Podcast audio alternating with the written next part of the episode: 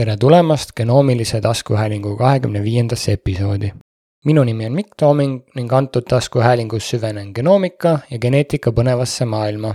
taskuhäälingus tuleb juttu viimastest läbimurretest DNA uuringute alal, kui ka geenitehnoloogiat ümbritsevatest eetilistest küsimustest ning teadusuudistest. head kuulamist! soovin ka kõigile bioanalüütikutele head rahvusvahelist bioanalüütikute päeva Ameerika meditsiinigeneetika ja genoomika kolledž on avaldanud avalduse geneetiliste ja genoomiliste testide võrdset kättesaadavust takistavate eelarvamuste vältimise kohta. ACMG töör tuvastas kolm peamist eelarvamuste kategooriat, keskkonnaalased, kliinilised ja tehnilised eelarvamused. keskkonnategurid keskenduvad meditsiinikogukonna suhetele erinevate sotsiaalmajanduslike ja sotsiaalsete spektritega inimestega töörühm käsitles pikaajalist usaldamatust, mida alaesindatud vähemused tunnevad meditsiiniasutuste suhtes, mis tuleneb geneetiliste proovide ja inimese bioloogial põhineva diskrimineerimise kuritarvituslikust ajaloost. kindlustusalane diskrimineerimine, sealhulgas standardiseerimise puudumine seoses geneetiliste testide katmisega, mõjutab samuti ebaproportsionaalselt alaesindatud vähemusi ACMG töörühm toonitab ajaloolisi ja käimasolevaid tavasid, mis soodustavad usaldamatust ja austada marginaliseeritud inimeste autonoomiat, väärikust, traditsioonilisi uskumisi, kaasates neid elanikkonnarühmi geneetilistesse uuringutesse ning pidada geneetilist testimist lahutamatuks ja asendamatuks kliiniliseks testiks.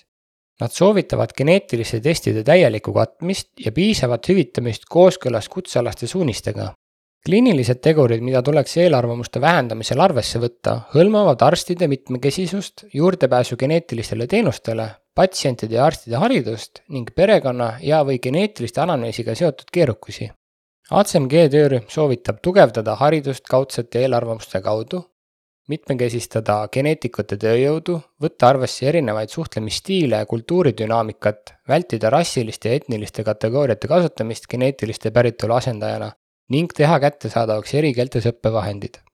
avalduses mainitud tehnilised eelarvamused keskenduvad geneetiliselt mitmekesiste populatsioonide variantide tõlgendamisele. töörühm soovitab tehniliste eelarvamuste vältimiseks, et praegustes rahvastiku andmebaasides puudub mitmekesisus, et sellistesse andmebaasidesse tuleks värvata rohkem inimesi erinevatest ja alaesindatud põlvkondadest, et kliinilised laborid saaksid aidata, jagades analüüsides rohkem patogeensemaid viiteid ning et kaaluda suurte tehniliste neutraalsete paneelide kasutamist isikute puhul, kelle esivanemate andmed on piiratud. töörühm loodab, et käesolev dokument annab raamistiku, mis toetab positiivset ja konstruktiivset dialoogi kõigi sidususrühmade ja seadusandjate vahel. et pidevalt tegeleda geneetiliste testide ja nende kliiniliste rakendamise edusammudega, eesmärgiga tunnustada ja vähendada eelarvamusi, et tagada õiglane ravi ja vältida ebaõigset diskrimineerimist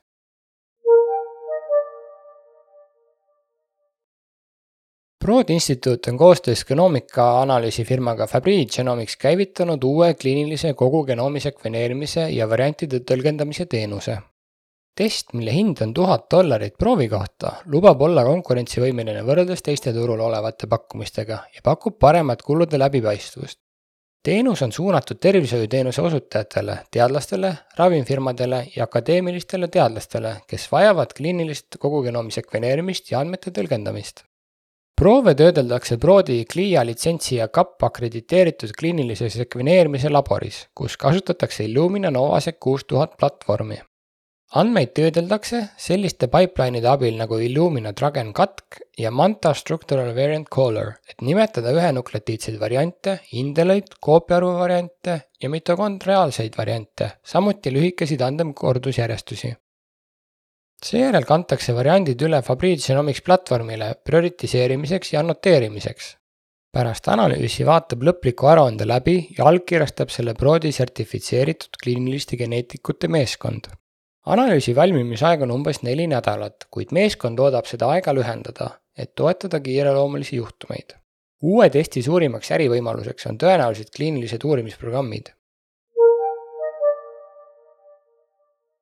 hiljuti ajakirjas Nature Biomedical Engineering avaldatud uuringus on Northwesterni ülikooli teadlased välja töötanud uue, kiire ja mitteinvasiivse meetodi, et eraldada kasvaja suhtes reageerivad lümfotsüüdid kasvajakoe asemel perifeersest verest.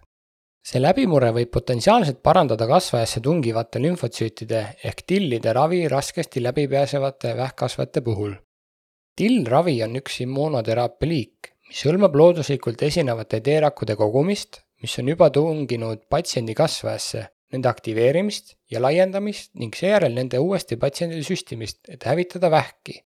enamik T-rakkudest isoleeritakse siiski kasvaja koest, mis raskendab raskesti ligipääsetavate kasvajatega patsientide ravi teadlased tuvastasid till-taolised lümfotsüüdid, mida nimetatakse ka tsirkuleerivateks kasvajaga reageerivateks lümfotsüütideks ehk CTRL-ideks, mitte ainult kasvaja mikrokeskkonnas, vaid ka melanoomi mudelite perifeerses veres. Nad kasutasid meetodit, mida nimetatakse mikrofluidiliseks immuunomagnetiliseks rakkude sorteerimiseks, et eraldada need veres ringlevad tillid mitteinvasiivselt. selleks, et valida ja paljundada ainult parima ja kõige spetsiifilisema kasvajavastase aktiivsusega T-rakke veres, töötas töörühm välja uudse tehnoloogia platvormi, mis kasutab mikrofluidilist immuunomagnetilist rakkude sorteerimist. Selle meetodi abil valitakse T-rakke, kasutades selleks antikehi või ligande, mis on suunatud konkreetsete rakupinna antigeenide vastu. uurimusrühm leidis, et CTRL-id olid tegelikus kasvajakohas kasvajarakkude hävitamisel sama tõhusad kui tillid. Nad kasutasid CTRL-ide ka käärsoole, kopsu ja rinnavähi puhul. Shana O'Kelly kes on Northwesterni ülikooli keemia ja biomeditsiinitehnika professor ning uuringu kaasautor, märkis. Me näeme, et platvormi võiks kasutada mis tahes suures meditsiinikeskuses, nii et saaksite jõuda märkimisväärse hulga patsientideni. platvorm, mida me rakkude püüdmiseks kasutame, on väga kiire, mis vähendab kulusid ja meditsiinikeskused on mugavalt verega ümber käinud. Kelly on asutanud oma tervishoiutehnoloogia idufirma nimega CTRL Therapeutics ja plaanib esitada ka FDA-le avalduse platvormi kliinilistesse uuringute viimiseks, et muuta tilliravi tulevikku revolutsiooniliseks. San Diego's asuv idufirma Function Oncology on kaasanud kakskümmend kaheksa miljonit dollarit A-sarja rahastamisvooru, et arendada CRISPR rakendusega personaliseeritud funktsionaalse genoomika platvormi kaasasutajad Srinath ja Srihari Sampat loodavad, et tehnoloogia muudab vähi sihtotstarbelise ravi tuleviku, mõõtes geenifunktsiooni üksikute patsientide tasandil, liikudes genoomikast funktsionaalse genoomika juurde. Sampati kaksikute eesmärk on töötada välja keskne laboratoorne test ja saata arstidele neljateist päeva jooksul aruanne, milles on märgitud kõigi FDA poolt heaks kiidetud sihtotstarbeliste onkoloogiliste ainete sihtrühma sõltuvus platvorm võimaldab ka tuvastada kõrge väärtusega ravimi sihtmärke ja patsiente, kes saaksid tulevikus kasu ravimitest, mis neid sihtmärke tabavad. Seattle'is asuv biotehnoloogia ettevõte Alpenglow Bioscience on sõlminud partnerluse Mayo kliinikuga, et rakendada oma 3D ruumilise bioloogia platvormi kliinilise diagnostika ja ravimite väljatöötamise edendamiseks platvorm ühendab uudset keemiat, patenteeritud avatud valgusleht mikroskoopiat ja pilvepõhist eesintellekti andmeanalüüsi, et mittepurustavalt kujutada kudesid 3D kujutis subtsellulaarse eraldusvõimega. Alpenglow integreerib selle platvormi multioomika lähenemisviisidega, sealhulgas multipleksilise immuunofluoressentsiga ja üksikute rakkude sekveneerimisega, et ennustada ravi vastust ja patsiendi prognoosi Mayo kliiniku teadlased on kasutanud platvormi, et analüüsida immuunraviga ravitud patsientide kopsuvähi inimproove ja korreleerida 3D ruumilisi andmeid ravivastustega. Mayo kliinik on Alpenglow platvormis rahaliselt osaline ja kasutab saadud tulu oma mittetulundusliku missiooni toetamiseks, milleks on patsiendi ravi, hariduse ja teadusuuringud. Canopy Bioscience, mis on Brokeri tütarettevõte, on sõlminud partnerluse Menlo Parkis, Californias asuva informaatikaettevõtte Enable Medicine'iga, et kasutada Enable'i ruumiliste oomikaandmete pipeline'i Canomi Cellspace süsteemiga toodetud ruumilise proteoomilise pildistamise andmete analüüsimiseks. Partnerlus annab Cellspace'i kasutajatele juurdepääsu Enable'i ruumilise analüüsi vahenditele, sealhulgas klastri analüüsile, naabrusanalüüsile ja täiustatud andmete visualiseerimisele samuti tõhusale pilvepõhisele arvutustehnoloogiale, andmete jagamisele ja säilitamisele. Toomas Kampel, kes on Canopy grupi tootejuht, ütles, et koostöös aitab teadlastel saada sügavamaid bioloogilisi teadmisi oma kõrgkvaliteediliselt kõrge resolutsiooniga kvantitatiivsetest andmeanalüüsidest. Colorado ülikooli teadlased on avastanud, et TP53 kasvajasupressor geen vajab tõhusaks toimimiseks veel ühte valku, mille nimeks on FAM sada üheksakümmend kaks A. uuringus kasutati CRISPR tehnoloogiat kogu inimese genoomi sõelumiseks, et leida TP53 täielikuks aktiveerimiseks vajalikke geene. teadlased leidsid, et FAM sada üheksakümmend kaks A on tugev ja laialt levinud positiivne regulaator TP53 aktiivsusele, kusjuures see valk vabastab ühe TP53 kahest peamisest repressorist, MDM4-st. uurimus näitab, et ravistrateegiad võiksid hõlmata viise, kuidas tugevdada FAM sada üheksakümmend kaks sidumist MDM4-ga või julgustada rakke tootma rohkem FAM sada üheksakümmend kaks A-d. paljude vähkkasvajate puhul leiti, et kõrge FAM sada üheksakümmend kaks tasemega kasvajad kasvavad aeglasemalt, mis annab võimaluse paremaks prognoosiks. Myriad Genetics ja Simon Med Imaging teevad koostööd, et käivitada vähi hindamisprogramm, mis ühendab diagnostilise kuvamise, geneetilise riski hindamise ja patsiendi nõustamise programmi integreeritakse Myriad MyRisk ja RiskScore vahendid ning see peaks toimima SimonMed kaheksakümne kuue naiskliinikuga aasta lõpuks.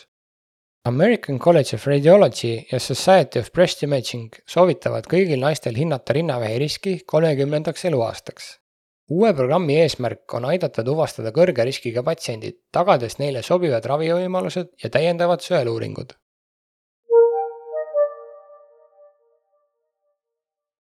Oregoni Tervishoiu ja Teaduse Ülikooli ja teiste asutuste teadlased on loonud üheksasaja neljakümne kaheksa inimdoonori mitme surmajärgse koeproovi postpsükootiliste mutatsioonide atlase, kasutades genotüübi kudede ekspressiooni projekti andmeid. Mutatsioonid tekivad pärast viljastumist ja arvatakse, et need on peamised vananemise ja vananemisega seotud haiguste põhjustajad. ajakirjas Science avaldatud uuringus tuvastati umbes viiekümne kuue tuhande mutatsiooni.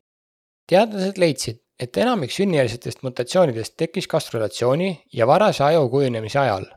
see atlas võib aidata teadlastel tuvastada, millised postpsükootilised mutatsioonid võivad põhjustada haigusi. Kuigi vähisõeluuringud on olnud edukad rinnavähi, emakakaelavähi, kolorektaalvähi, kopsuvähi varajases staadiumis avastamisel, jäävad paljud vähivormid siiski avastamata, kuni on liiga hilja juba praegu töötatakse välja mitme vähi varajase avastamise tehnoloogiaid, mis lubavad avastada mitmeid vähkkasvajaid varases staadiumis. Need testid on mitteinvasiivsed ja analüüsivad vere, hingeõhu, uriini, sülje või väljaheiteproove vähi põhinevatel biomarkerite leidmiseks. Need testid võivad säästa tervishoiule kuluvat raha ja mõned eksperdid usuvad, et need võivad päästa palju elusid kuigi ükski neist testidest pole veel regulaatorite poolt heaks kiidetud, on mõnele neist antud läbimurdelise seadme tunnustus.